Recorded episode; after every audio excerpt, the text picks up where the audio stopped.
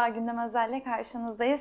Bugün yanımızda Evrensel Gazetesi yazarı Hediye Levent var. Kendisiyle e, pek çok meseleyi, sıcak gündemleri konuşacağız diyerek dönüyorum hemen e, çok açılış uzatmadan. E, hoş geldin öncelikle. Merhaba, hoş bulduk. E, şimdi e, biraz en sıcak olandan e, başlayalım istiyoruz. E, bugün e, aslında Evrensel'deki köşe yazında da e, yazdığım bir konu. E, Trump'ın Netanyahu ile birlikte açıkladığı e, ve adına da 100 yılın e, anlaşması, anlaşması dedikleri e, bir plan açıkladılar. Buna barış planı da e, diyorlar kendi içlerinde. E, bu nasıl bir anlaşma? Bir barış planı mı gerçekten? E, neler oluyor?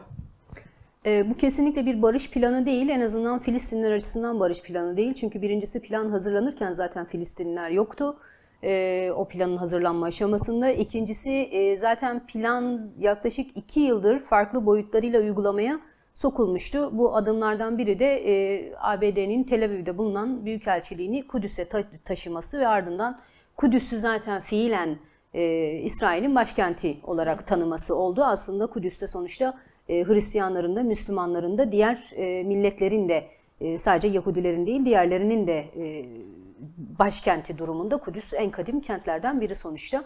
E, velhasıl sadece planın siyasi ayağı şimdiye kadar açıklanmamıştı. E, son iki yıldır bu planın e, altyapısı e, denilebilecek birçok adım atılmıştı. E, aslında Filistinliler ya da Filistin meselesiyle yakından ilgilenen taraflar bu plana başından beri karşıydılar. Birçok kez seslerini yükseltmeye çalıştılar ancak Arap ve İslam ülkelerinden ciddi bir tepki de yükselmeyince sesleri oldukça cılız kaldı. Sonuç olarak şunu söyleyebiliriz. Trump'ın yayınladığı bir e, harita da var zaten orada. Trump konuşmasında da e, Netanyahu ile birlikte hani yaptı zaten planın duyurusunu. E, o konuşmada da İsrail'in güvenliğini öncelediğini, e, Filistinlilere de tırnak içinde söylüyorum adam olun dediğini söyleyebiliriz. Yine Trump'ın yayınladığı haritadan da şunu anlıyoruz. İkili devlet gibi bir yöntem ya da çözüm yol haritası artık e, rafa kaldırılmış görünüyor ABD tarafından. E, Filistinliler en fazla hani mevcut ABD'nin planına ve bölgedeki sessizliğe, bölge ülkelerinin sessizliğinden yola çıkarak söyleyebiliriz. Filistinler en fazla kısmi özelliği olan e, bir yapı kazanabilir bu gidişle. Öyle Hı. görünüyor. Peki yeni bir döneme girildi denebilir mi? Evet. Ama Filistinlerin aleyhine bir dönem. Çünkü zaten e, İsrail karşıtı direniş hatları da bu Arap ayaklanmasında çok ciddi zarar gördüler, darbe aldılar, e, boğuluyorlar. E, yaptırımlar var, ekonomik yaptırımlar var, güvenlik yaptırımları var vesaire. En büyük destekçilerinden biri Filistin davasının Suriye'ydi mesela. E, Suriye'nin durumu ortada, işte ne bileyim Lübnan'da Hizbullah'ın durumu ortada, İran'ın durumu ortada, işte bölge ülkelerinin Suudi Arabistan ve Mısır gibi ülkeler zaten Filistin meselesini artık büyük olarak görmeye başladılar. E, bir şekilde bunu atmak istiyorlar. Diğer taraftan bölge ülkeleri de artık niye İsrail'le bizim ilişkilerimiz iyi değil e, şeklinde bir yaklaşım var. Mesela iki sene öncesine kadar İsrail'in bölge ülkeleriyle doğrudan bir temasının olması ortalığın ayağa kalkmasına sebep olurdu. Artık e, bunlar da yavaş yavaş gerçekleşiyor. Dolayısıyla yeni bir dönem başladı. İsrail'in bölge ülkeleriyle ilişkileri açısından da yeni dönem başladı ve bütün bunlar Filistin meselesini, Filistinleri oldukça olumsuz etkileyecek e, bir süreç olacak. Peki e, kısaca alayım e, çok da e, uzatmadan bu konulara geçmek istiyorum ama ABD nasıl bir ittifak İsrail açısından? Güvenilir bir ittifak mı? Mevcut durumda evet. E, zaten şöyle de bir durum var aslında. E, yani mesela Rusya'ya bakıyoruz benzer bir durum var. Diğer ülkelere ABD'ye bakıyoruz öyle, İsrail'e bakıyoruz öyle. Biraz da bu e, Trump-Netanyahu işbirliği gibi bir durum da söz konusu. Netanyahu'nun zaten hani İsrail içinde ciddi sıkıntıları var, mahkeme süreci var. Biliyorsunuz birçok suçlamayla karşı karşıya. Ee, aynı zamanda Trump içinde, ABD içinde bir Yahudi lobisi e, hareketi söz konusu. Yine e, Trump'ın kendisinden daha meşhur bir damadı var. E, hatta onu biz geçen yıl e, işte Bahreyn'deki bu yüzyılın e, planının işte ekonomi boyutunu e, sunduğu inanılmaz böyle ifadelerle Alice Harikalar Diyarında şeklinde tanımlayabileceğimiz ifadelerle sunduğu bir toplantıda da gördük. Bütün bunlar etkili ama şunu söyleyebiliriz artık hani o kurumsal devlet yapısı vardır ya hani e, evet bu ülkenin e, dış politikası, devlet öncelikleri ve orta ve uzun vadeli çıkarları doğrultusunda şu adımı atmıştır ya da atabilir şeklinde yorumları artık yapmak çok zor. Bunu ABD içinde yapmak çok zor. Velhasıl ABD'nin e, ya da Trump yönetiminin Filistinli ya da Filistin-İsrail sorunu ile ilgili aldığı bu kararı da e, o devlet geleneği, dış politika, e, orta ve uzun vadeli çıkarlar açısından değerlendirmekte zorlanıyoruz açıkçası. Şimdi Filistin direnmiyor değil. Hatta kuşaklardır bir e, direnç söz konusu Filistin'de. Yıllardır süren e, bir direnmeden bahsediyoruz. E, zaman zaman yükselip zaman zaman e, düşüyor olabilir. Ama demek ki artık kendi başına bir yere varamıyor öyle mi? Yani e, yalnız Bu mı hiç kaldı? kolay değil çünkü zaten orada Filistin yani Filistin de Filistinliler de abluka altında orada. Yani Gazze'de 2 milyondan fazla insan çok uzun bir süredir kuşatma altında yaşıyor. Her şey her şey için dışarıya muhtaçlar. Sürekli Mescid-i Aksa'da mesela sorunları e, görüyoruz vesaire. Filistin için yani İsrail içinde kalan Filistinliler açısından da ciddi problemler var. Tam anlamıyla bir güvenlik devleti aslında hani güvenlik esaslı bir e, yapı söz konusu orada. E, şimdi dış desteğe muhtaçlar. E, yani paraya muhtaçlar, işe muhtaçlar, silaha muhtaçlar, direniş için işte lobicilik faaliyetlerine muhtaçlar, her şeye muhtaçlar zaten. Çünkü zaten uzunca bir süredir boğuluyorlar. Ee, sadece silahlı mücadele değil bu açıdan. Diğer taraftan mesela diaspora Filistinleri ya da göçe zorlanan işte Lübnan'daki, Suriye'deki, Ürdün'deki, Mısır'daki vesaire Filistinlerin de durumuna bakmak lazım. Milyonlara tekabül ediyorlar. Mesela Suriye'deki Filistinlere Suriye Filistini denir. Filistinlisi denir pardon. Lübnan'daki Filistinlere Lübnan Filistinlisi denir. Ee, mesela her ülkenin kendi e, hatta bazı ülkelerde lütuf gibi görülen bir takım uygulamalara maruz kalıyorlar. Mesela Suriye'deki Filistinli'nin durumu farklı, Lübnan'dakinin durumu farklı. Mesela bunların durumu ne olacak? Bunlar da çok ciddi sıkıntı içinde. E, velhasıl e, yani Filistin ve Filistinler uzun süredir zaten boğuluyor. O zaman şey diyebilir miyiz? Yani Orta Doğu'da büyük dengeler değişmediği sürece artık Filistin pek kurtuluşu yok mu? Açıkçası mevcut şartlarda biraz zor çünkü şu açıdan zor yani Filistin ve Filistinleri destekleyen somut olarak hani bir takım adımlar atan, çıkışlar yapan direniş hattı dediğimiz işte İran, Suriye, Lübnan işte bölgede yine birkaç ülke doğrudan olması da dolaylı e, vardı. Hala var ama zaten kendileri çok ciddi sorunlarla karşı karşıyalar. Diğer taraftan o Trump'ın yayınladığı haritayı görmüşsünüzdür zaten. Böyle çok küçük küçük sıkışmış durumdalar Filistinler. Orada kuşatma altındalar doğrudan. Ee, yani diğer taraftan işte o Filistinli e, silahlı direniş örgütleri zaten ABD'nin ve Batı bloğunun hatta bölgedeki bazı ülkelerinde terör listesindeler. Ee, bunlar zaten bir yerden bir yere normal bir şekilde hareket edemiyorlar. Para kaynakları, finans kaynakları sürekli donduruluyor vesaire vesaire. Ee, yaptırımların kapsamı çok fazla genişletiliyor. E, dolayısıyla e, bundan sonra bölge ülkelerinden çok ciddi bir çıkış gelmediği sürece böl- bölge ülkelerinde adını koyalım. Suudi Arabistan ve Mısır gibi ülkelerden bahsediyorum. E, çok ciddi bir çıkış gelmediği sürece, İsrail'e caydırıcı bir geri adım attırmadıkları sürece e, yani bir, bir herhalde 10 yıl sonra biz Filistin mahallesinden falan bahsederiz sadece İsrail içinde. Öyle Trump'ın mesela açıklamasında şey dedi. iki devletli Doğu Kudüs işte Filistin'in başkenti vesaire. Yok öyle bir şey. Yani çünkü aynı konuşmada zaten 80 sayfalık bir plandan bahsediliyor. Detayları için de ayrıca komisyon kurulacak. E, o komisyonlarda Filistinler yer alacak mı? Hayır almayacaklar. Alamayacaklar. İsteseler bile alamayacaklar. Evet. O zaman e, daha konuşacağız bu meseleyi gibi duruyor. Ee, Irak'a geçelim e, istiyoruz. Irak'ta da 1 Ekim'den bu, bu yana, e, 1 Ekim 2019'dan bu yana aslında e, o zamanlardan başlayan bir e, protestolar var. E, hükümet karşıtı protestolar e, diyebiliriz aslında buna. E, ne, neler oluyor Irak'ta son durum ne? E, Aslında Irak'ta iki tane farklı gösteri var. Biri e, bahsettiğin gibi Ekim ayında başladı. E, hatta işte şiddet olaylarına dönüştü. Gerek işte göstericiler lastik yaktı, güvenlik güç- güçleri çok sert e, müdahale etti. En son 300'den fazla insanın hayatını kaybettiği belirtiliyor.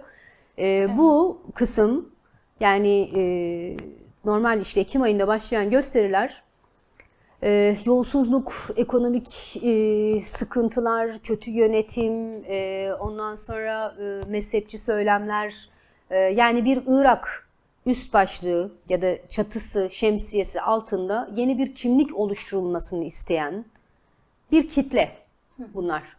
Doğru düzgün bir yönetim istiyorlar. Yani işsizliğe çözüm bulunmasını, ekonomik sorunlara çözüm bulunmasını vesaire vesaire. Çünkü Irak defalarca ard arda neredeyse her 10 yılda bir ağır yıkım yaşayan bir ülke. Ülkenin kendi yeraltı zenginlikleri birçok ülkeyi zengin etti ama kendisine hayrı yok. Çok ciddi bir kitle var orada fakir. E, devlet kurumları çökmüş durumda büyük ölçüde doğru düzgün bir ordusu bile yok gibi.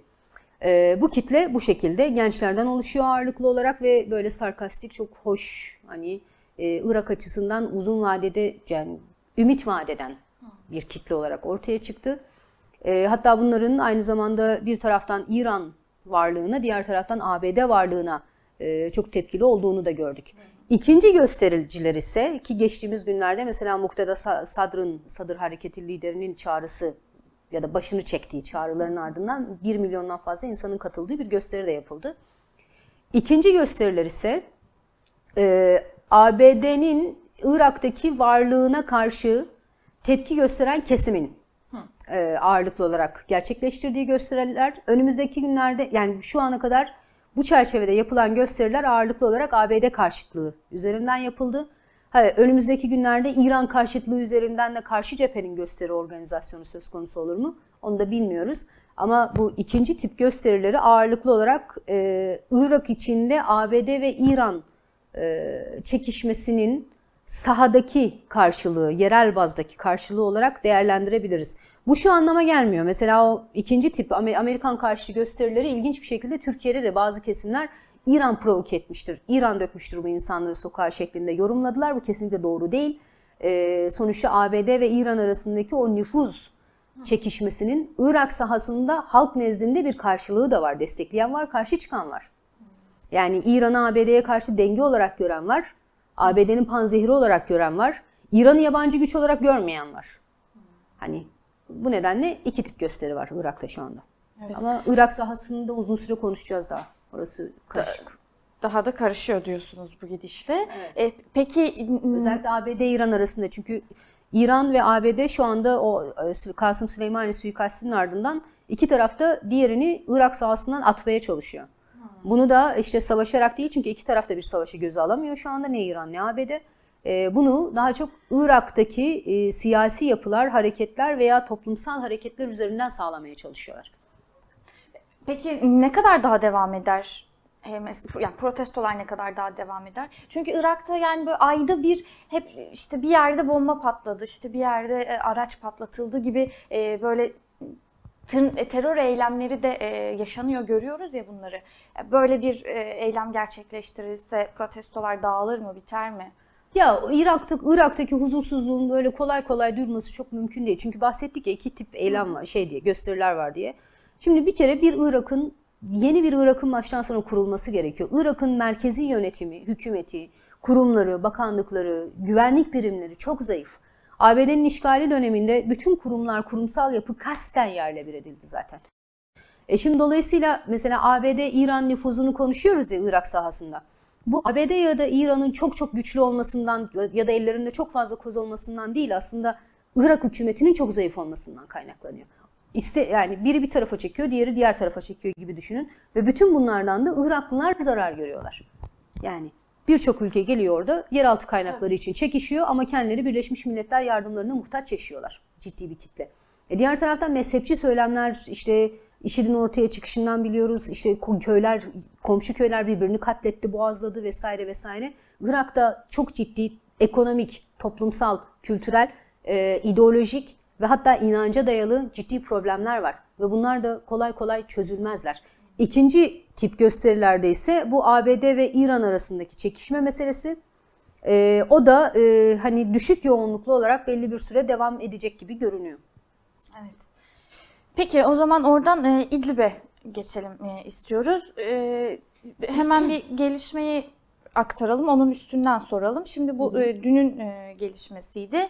Suriye İnsan Hakları Gözlemevi e, İdlib operasyonu kapsamında Suriye ordusunun İdlib kentinin en büyük ilçesi Maret El Numan'ı yakınlarındaki e, Kefer Rume beldesini ele geçirdiğini ve e, Numan'ı kontrol altına aldığını belirtmişti. E, bu ne demek bu gelişme neye yol açar? Bu gelişme çok önemli bir gelişme. Öncelikle e, şöyle bir durum var. Bu Suriye içinde iki tane ana yol var. Şöyle düşünün, şöyle bir Suriye haritası. Burası Türkiye gibi. Tamam. Hani şey anlatmaya çalışıyorum. Bir e, Dera'dan, Ürdün sınırından İdlib'e kadar çıkan bir otoyol var. İdlib kırsalında kavşak oluşturuyor ve Musul'a kadar uzanan ikinci otoyolla birleşiyor. Dolayısıyla İdlib kırsalında M4 ve M5 karayolları diyoruz hep adları geçer. Yani e, ta Dera'yı, Şam'a, Şam'ı, Laskiye'ye, Laskiye'yi, Halep'e, Halep'i, Musul'a bağlayan bir hattan bahsediyoruz. Çok stratejik ve çok önemlidir. Hatta Türkiye Barış Pınarı adı verilen e, hani operasyonda asıl amacı e, M4'ün altına inebilmekti. O mümkün olmadı çünkü M4'ün altına inebilseydi kontrolündeki silahlı gruplarında Halep'e e, hatta diğer kentlere de sarkmasını sağlayabilecekti. O kadar kritik bir yer. Şimdi e, Mağarat el Numan niye önemli? Çünkü Mağarat el Numan bu iki ana otoyolun kavşağını da kontrol altına almasını sağladı. Suriye ordusunun Mağarat el Numan'a yönelik operasyonu başlattığı zaman bu otoyolu yıllar sonra ilk kez aşıp diğer tarafına geçmiş oldu. Bu çok önemli. İkincisi Mağarat el Numan'la birlikte Serakip denilen bir yer var. Önümüzdeki günlerde orası da Suriye ordusunun kontrolüne geçecek. Bu iki yerde İdlib'in e, hani Suriye ordusunun kontrolüne geçmesi açısından oldukça önemli iki nokta. Çünkü birincisi e, İdlib'i kontrol altında tutan Heyet-i Tahrir Şam, işte Suriye El-Kaidesi ya da Nusra Cephesi diyelim eski adıyla. Onların ana merkezleri arasında zaten. Bir diğeri de bu iki nokta Suriye ordusunun eline geçtiği zaman Mağarat el Numan ve Serakip silahlı gruplar, o cihatçı gruplar tamamen İdlib merkeziyle Türkiye arasında çok küçük bir yere sıkışmış olacaklar. Aşağı sarkmaları mümkün olmayacak.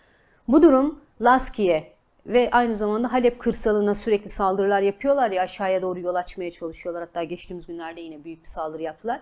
Onların önüne geçmiş olacak. Bu aynı zamanda şöyle bir şey de getiriyor. Türkiye açısından Türkiye'nin orada bildiğimiz gibi gözlem noktaları var. Muhtemelen e, zaten Mağaret el Numan yakınlarındaki gözlem noktasının şu anda fiilen Suriye ordusunun kuşatmasının altında olduğunu söyleyebiliriz. Önümüzdeki günlerde iki gözlem noktası daha büyük ihtimalle kuşatma altına girecek. Suriye ordusunun kuşatması altına. Bu durumda 4 ya da 5 tane gözlem noktası Suriye ordusunun kontrolündeki topraklarda kalmış olacak. Türkiye muhtemelen yine Rusya'dan yardım isteyecek. Bu gözlem noktalarının güvenliği açısından.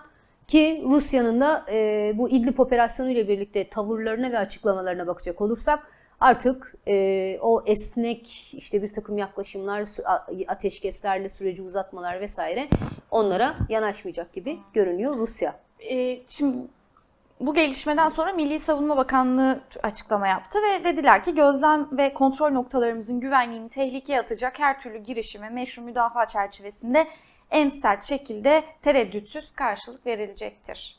Ee, Şimdi Türkiye'nin bu söylemlerinin Rusya açısından bir karşılığı yok. Şu açıdan karşılığı yok. Türkiye gözlem noktalarını nasıl oluşturdu İdlib'de? Astana süreçleriyle oluşturdu. Astana süreçlerinde hangi aşamada Türkiye'ye gözlem noktası oluşturma yolu açıldı? İdlib'de ateşkes süreçleri yapılacaktı, devreye girecekti. Türkiye bu dönemde silahlı grupların, radikal grupların ayrıştırılması, silahsızlandırılması, bir çatışmasızlık bölgesinin oluşturulması gibi M4 ve M5 az önce bahsettiğimiz otoyolların açılması gibi sorumluluklar üstlendi, vaatlerde bulundu. Bunlara karşılık ateşkes sürecini izlemek üzere o gözlem noktaları oluşturuldu. Peki İdlib'de ateşkes hiç hayata geçti mi? Kaç gün sürdü? Peki Türkiye sorumluluklarını yerine getirdi mi? Bunlar Rusya'nın soruları. Rusya diyor ki Türkiye'nin bu gözlem noktaları ile ilgili gerekçeyle çıkışlar yapıyor ya Türkiye. Hı hı. Rusya da şunu söylüyor diyor ki şu şu şu şu vaatlere karşılık o gözlem noktalarını oluşturdun orada. O vaatleri yerine getirdin mi? Hayır. Getirmen mümkün mü? Hayır. İdlib'de bir ateşkes söz konusu oldu mu? Hayır. Ateşkesin hayata geçirilmesi ve yaşatılması mümkün mü? Hayır. Çünkü orada bir nokta daha var Türkiye'nin elini ayağını bağlayan. İdlib'i Heyeti Tahrir-i Şam'ın kontrol ettiğini Türkiye deklarasyonlarda altına imza atarak kabul etti. Evet. Heyeti Tahrir-i Şam'ın radikal bir örgüt olduğunu da kabul etti Türkiye. Bu deklarasyonlarda açıkça yazıyor onlar. Ve ateşkesler, ateşkes süreçlerinin radikal ve terörist örgütleri kapsamayacağını da Türkiye kabul etti. Şimdi dolayısıyla e, Türkiye'nin aslında tutunacak çok bir şey yok orada. Evet, gerekçesi yok yani bir karşılığı yok. Böylece Rusya da artık Ama tamam diyecek Türkiye açısından yani. şu var, eğer e, Türkiye İdlib'den çıkarsa ki çıkmaya zorlanacak. E, çünkü bir sonraki aşamada Rusya büyük ihtimalle gözlem noktalarının tahliye edilmesini isteyecek Türkiye'den. İdlib'den Türkiye çıkarsa ardından Afrin, ardından işte e, Elbap bölgesi vesaire gelecektir. Evet. Aslında bunlar çok sürpriz değil. Değil. Yani bu ateş kes süreçlerinde e, konuşmuştuk daha yani yeni bir, birkaç ay önce e, olan Kesinlikle. gelişmelerde. Böyle olacağını zaten e, beraber bir program yapmıştık. Orada da söylemiştiniz yani çok uzun sürmeyecek Rusya Türkiye'ye sen artık Ama buradan işte- çekil işim bitti diyecekti. Tabii. Ama on binlerce cihatçı var ve Türkiye hala e, işte muhalifler, işte siviller vesaire falan tamam siviller var ama on binlerce de cihatçı var. Yani ne yapılacak? Türkiye'nin planı nedir? Çünkü bir kez daha belirtelim. Hani önümüzdeki günlerde yine tartışacağız ama yani konuşacağız bu konuyu ama İdlib'den gelecek göçmen, mülteci profili diğer bölgelerden gelenlerden çok farklı.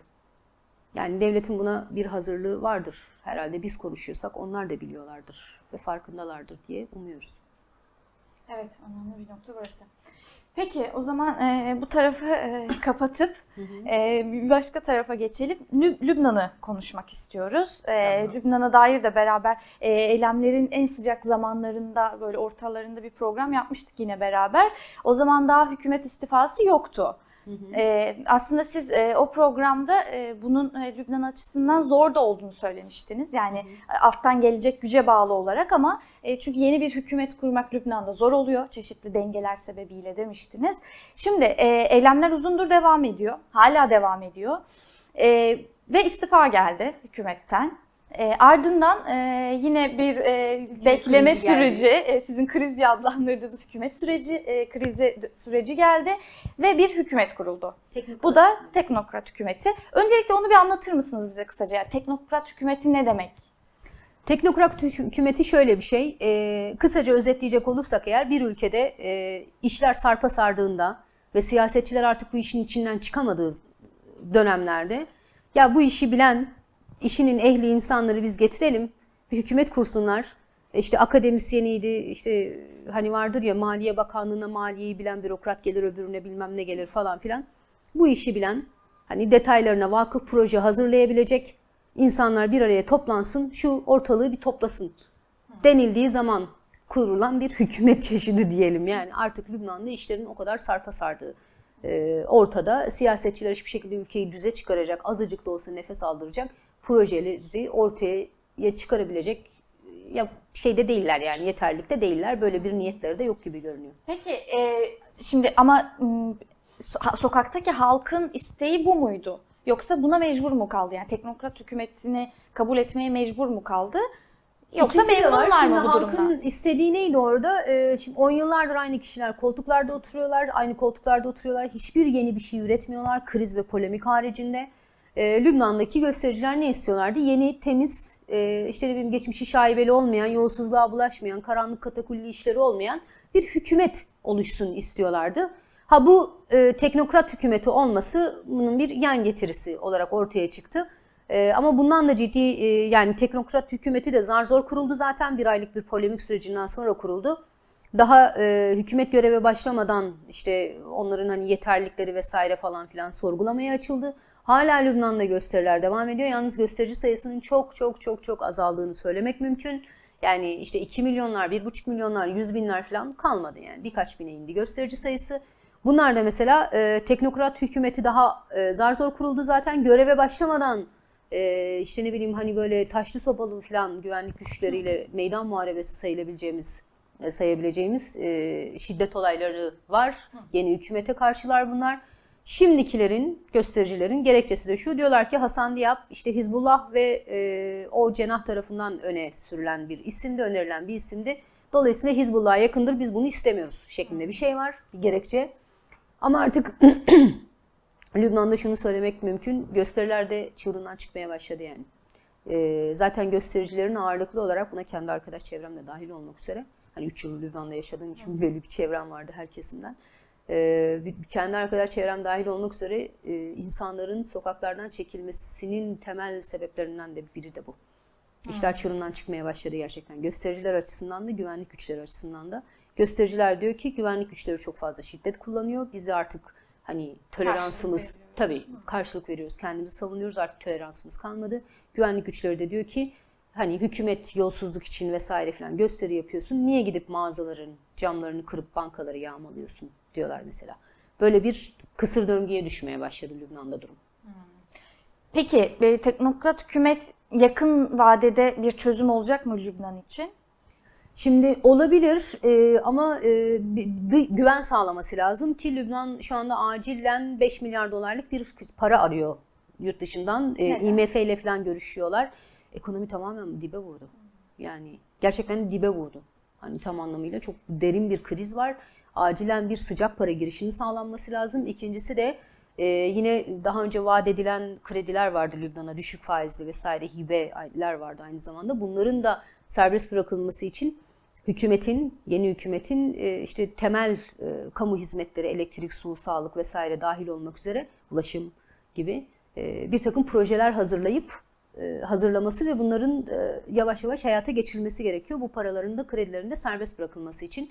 Ama acilen Lübnan'ın nefes alabilmesi için 5 milyar dolarlık bir para girişi gerekiyor. E, Bunun da verilmesi için IMF ile temaslar başladı. E, Hariri döneminde başlamıştı aslında, yeni değil yani. Bu bütün gösteriler devam ederken. E, Şimdi IMF'den ya da Dünya Bankası'ndan para alınabilmesi için de yeni hükümetin güven vermesi lazım. Hani sadece içerideki halka değil aynı zamanda dışarıya da. Eğer bu sağlanırsa mümkün olabilir. Diğer taraftan tek tek kabinedeki işte 20 bakanlık bir, bir hükümet bu zaten. Tek tek isimler üzerinden e, bir takım tartışmalar var. Yeterli olmadıklarına dair tartışmalar Temiz var. Bilmiyoruz. kavramınız var bunu e, kullanıyorsunuz e, nispeten ya da kısmen temiz diye. Şimdi bu teknokrat hükümetin içerisinde bulunan o isimler, bakanlıklara getirilenler temiz Temiz. temizden kastınız yolsuzluğa bulaşmamış daha önce vesaire vesaire. Tabii yolsuzluğa bulaşmamış, katakulli işleri, ilişkileri yok. Karanlık işte mafyatik bir takım ağları yok. Aynı zamanda mevcut işte e, siyasi hareketlerin re çok yakın onların sözcüsü gibi hareket edecek tipler değiller. Öyle Ya da öyle görünüyor. görünüyor. Ya da öyle görünüyor ama çok şey değiller. Yani bu bunlar zaten şeyler gelenler, akademisyen olan var, işte özel sektörden gelen var vesaire vesaire. Bunlar daha önce siyasete bulaşmamış tırnak içinde söylüyorum. Ee, insanlar hani bir şekilde orada asıl mesele şu. Lübnan'da ki ekonomik, siyasi, kültürel, diplomatik bütün meseleler, bütün başlıklar o kadar derin kriz halinde ki mevcut 20 e, üyeli kabine bunun bu kadar krizin altından kalkabilir mi? Buna yeterli mi? Asıl tartışılması gereken nokta bu. Onu da önümüzdeki günlerde göreceğiz. Çünkü Lübnan'ın çok da alternatifi de yok. Peki bu hükümet e, ekonomi belli bir noktaya geldi diyelim bir takım e, dengeler sağlandı. Bir e, devredecek mi yoksa yeniden seçimler süreci mi başlayacak? İşte o konu da biraz şey, e, asıl orada başka bir nokta daha var. Yani ye- muhtemelen yeni bir e, normalleşme sürecine dönülür. Yeni işte seçime gidilir vesaire ama orada asıl mesele şu. Yeni hükümetin önündeki meselelerden biri. Mevcut mezhep esa- esaslı anayasayı kaldıracaklar mı, kaldırmayacaklar mı? Ya da törpüleyecekler mi? Şimdi kaldırmaya yeltenirlerse buna Fransa'sı, İngiltere'si, işte Amerika'sı vesairesi falan, Suudi Arabistan'ı, İran'ı ne der? Çünkü Lübnan aynı zamanda bölgedeki bütün o hani örümcek ağı gibi nüfus çekişmelerinin merkezindeki ülke aynı zamanda. Ve bu bu bütün bölgedeki süreçlere taraf olmalı ya diğer ülkelerin taraf olmasını sağlayan araç da ne? Lübnan'ın o din ve mezhep esaslı anayasası ve devletin yönetimin ona göre taksim edilmiş olması. Şimdi o sistemi kaldırmaya kalkarsa bu hükümet başarılı olabilir mi? Diğer ülkeler buna göz yumar mı? Bu da önemli bir mesele. Eğer o sistemi kaldırmazlarsa, mezhep esaslı sistemi, aslında Lübnan'da çok da bir şey yapmamış olacaklar. Yani değişiklik olmamış olacak. Geçici bir süre 5 yıllık, 10 yıllık belki bir düzeltme. Sonra tekrar. Evet, protestoların e, temelinde de o vardı değil mi? Yani artık o sistemin değişmesi gerektiği. Yani şöyle Vardı oldu, ama- hükümet istifası isteniyordu. İşte bu sağlandı. Bu az bir şey değil. Yani sokak hareketiyle beraber bu sağlanmış oldu. Ama sadece talep bu muydu ya da so- sokağa çıkan Öyle 2 çıkan milyon oydu. Şimdi e, bu muydu yani? Zaman zaman şey varlar, çıkışlar vardı. Yani mezhep esaslı sistemin kalkmasını istiyoruz falan vesaire diye. Ama çok ilginç bir şekilde mesela onu e, Lübnan içinden de, de sorgulayanlar da var. E, niye doğrudan yani çü- çünkü şey- şöyle bir şey var şimdi mezhep esas- esaslı sistemin kaldırılması için bir hükümete ihtiyaç var. Yani hükümetin istifasını isterken göstericilerin aslında öncelikli olarak mezhep esaslı sistemin kaldırılmasını talep etmeleri gerekiyordu. Sistem kaldırıldıktan sonra hükümeti de istemiyoruz diyebilirlerdi. Biraz böyle bir şey vardı hani öncelikler açısından tabii sırada bir, bir değişiklik vardı. Ee, kısaca söyleyecek olursak evet göstericilerin böyle bir talebi vardı ama beklendiği ölçüde yüksek sesle ve kararlılıkla dile getirmediler bunu. Yani muhtemelen onlar da e, bazı konularda tedirgin olabilirler. E, belki bu, bu, bu talebin dile getirilmesi halinde ülkedeki dini ve siyasi otoritelerin e, çok daha sert hani çıkışlar yapabileceğinden korktular belki bilmiyoruz ama evet. Peki e, son olarak şey de soralım. Sonuçta e, önemli bir yerde de duruyor. Hi- Hizbullah'ın tutumu da aslında eylemlerin başından sonuna doğru değişti. Eylemlerin başında daha farklı açıklamalar, daha ılımlı, yumuşak açıklamalar yaparken eylemlerin sonuna doğru e, daha e, sert açıklamalar e, geldi. Şimdiki tutumu ne ya da belirleyen olacak mı? İşte bu teknokrat hükümetine dair de tartışmalar varmış ya Hizbullah'a dair. Şimdi e, teknokrat hükümetinin Hizbullah'la yakın olduğuna vesaire dair bir takım şeyler var, İddialar iddialar var. var ama henüz bunun somut bir karşılığını görmedik biz. Hani e, ikincisi e, bu hükümetin e, böyle bir dönemde Lübnan'da ciddi kriz yaşanırken hani Hizbullah'ın sözcüsü durumuna e, geçmesi, böyle bir role soyunması Hizbullah'a da zarar verir zaten. Hizbullah çünkü biz hep askeri boyutuyla konuşuyoruz da Hizbullah Lübnan siyasetinin bir parçası. Belediyecilik yapıyorlar. Yani belediye yönetiyorlar. Yerel siyaseti gütmek zorundalar. Çünkü Hizbullah'ı var, var eden şey ne? Lübnan içindeki tabanı. Bu sadece Şiilerden müteşekkil değil. Lübnan'daki her Şii Hizbullah'ı desteklemiyor. Ama aynı zamanda Hizbullah'ı destekleyenler sadece Şiiler değil, Hristiyanlardan ve diğer kesimlerden de ciddi desteği var. Bu nedenle Hizbullah ülke içindeki mevcut krizleri gözetmek durumunda. Ve e, senin de belirttiğin gibi gösterilerin ilk iki haftasında çok ılımlı mesajlar verdiler. Sonra Nasrallah bu bir provokasyondur, dış, dış destek var vesaire falan gibi açıklamalar yaptı. Lübnan içinde çok ciddi tepki aldı bu açıklaması Nasrallah'ın. E, işin diğer tarafı da şu var, bir başka noktası. Hizbullah'ın e, siyasi partneri olan Emel Hareketi yolsuzlukla ilgili e, ciddi suçlamalarla karşı karşıya. E, aynı zamanda Emel'in e, tabanı e, gitti göstericilere saldırdılar, çadırlarını yaktılar vesaire. Hatta birkaç tane ciddi saldırıdan Lübnan ordusu korudu göstericileri. Hizbullah mesela Emel'le arasına hat çekemedi. Dolayısıyla Emel'e yönelik bütün suçlamalar ya da bu gösteriler döneminde Emel tabanının gerçekleştirdiği bütün eylemler Hizbullah'ın da e, sorumluluğunu al- yani alanına girmiş oldu. Hani Hizbullah da sorumlu tutuluyor bundan artık. Dolayısıyla Hizbullah bu dönemde ciddi hatalar yaptı aslında. Ama e, aynı zamanda iç siyaseti de göz ardı edemezler. Lübnan'da istikrarın sağlanması gerekiyor. Velhasıl yeni hükümet Hizbullah yanlısı olsa bile, evlerinde e, duvardan duvara Hizbullah bayrakları asmış olsalar bile çok açıktan bunu yapmaları çok olası değil. Hepsi aynı gemide ve şu anda batıyorlar. Evet. Çok teşekkürler tüm değerlendirmeleriniz için. Ee, yine sizi böyle yakaladıkça sormaya devam edeceğiz. Zaten düzenli olarak her hafta Evrensel Gazetesi'ne de yazılarınızdan, köşenizden takip ediyoruz. Kolaylıklar diliyorum. Ben teşekkür ederim yayından. Evet Gündem Özel'in bugünlük sonuna geldik. Görüşmek üzere.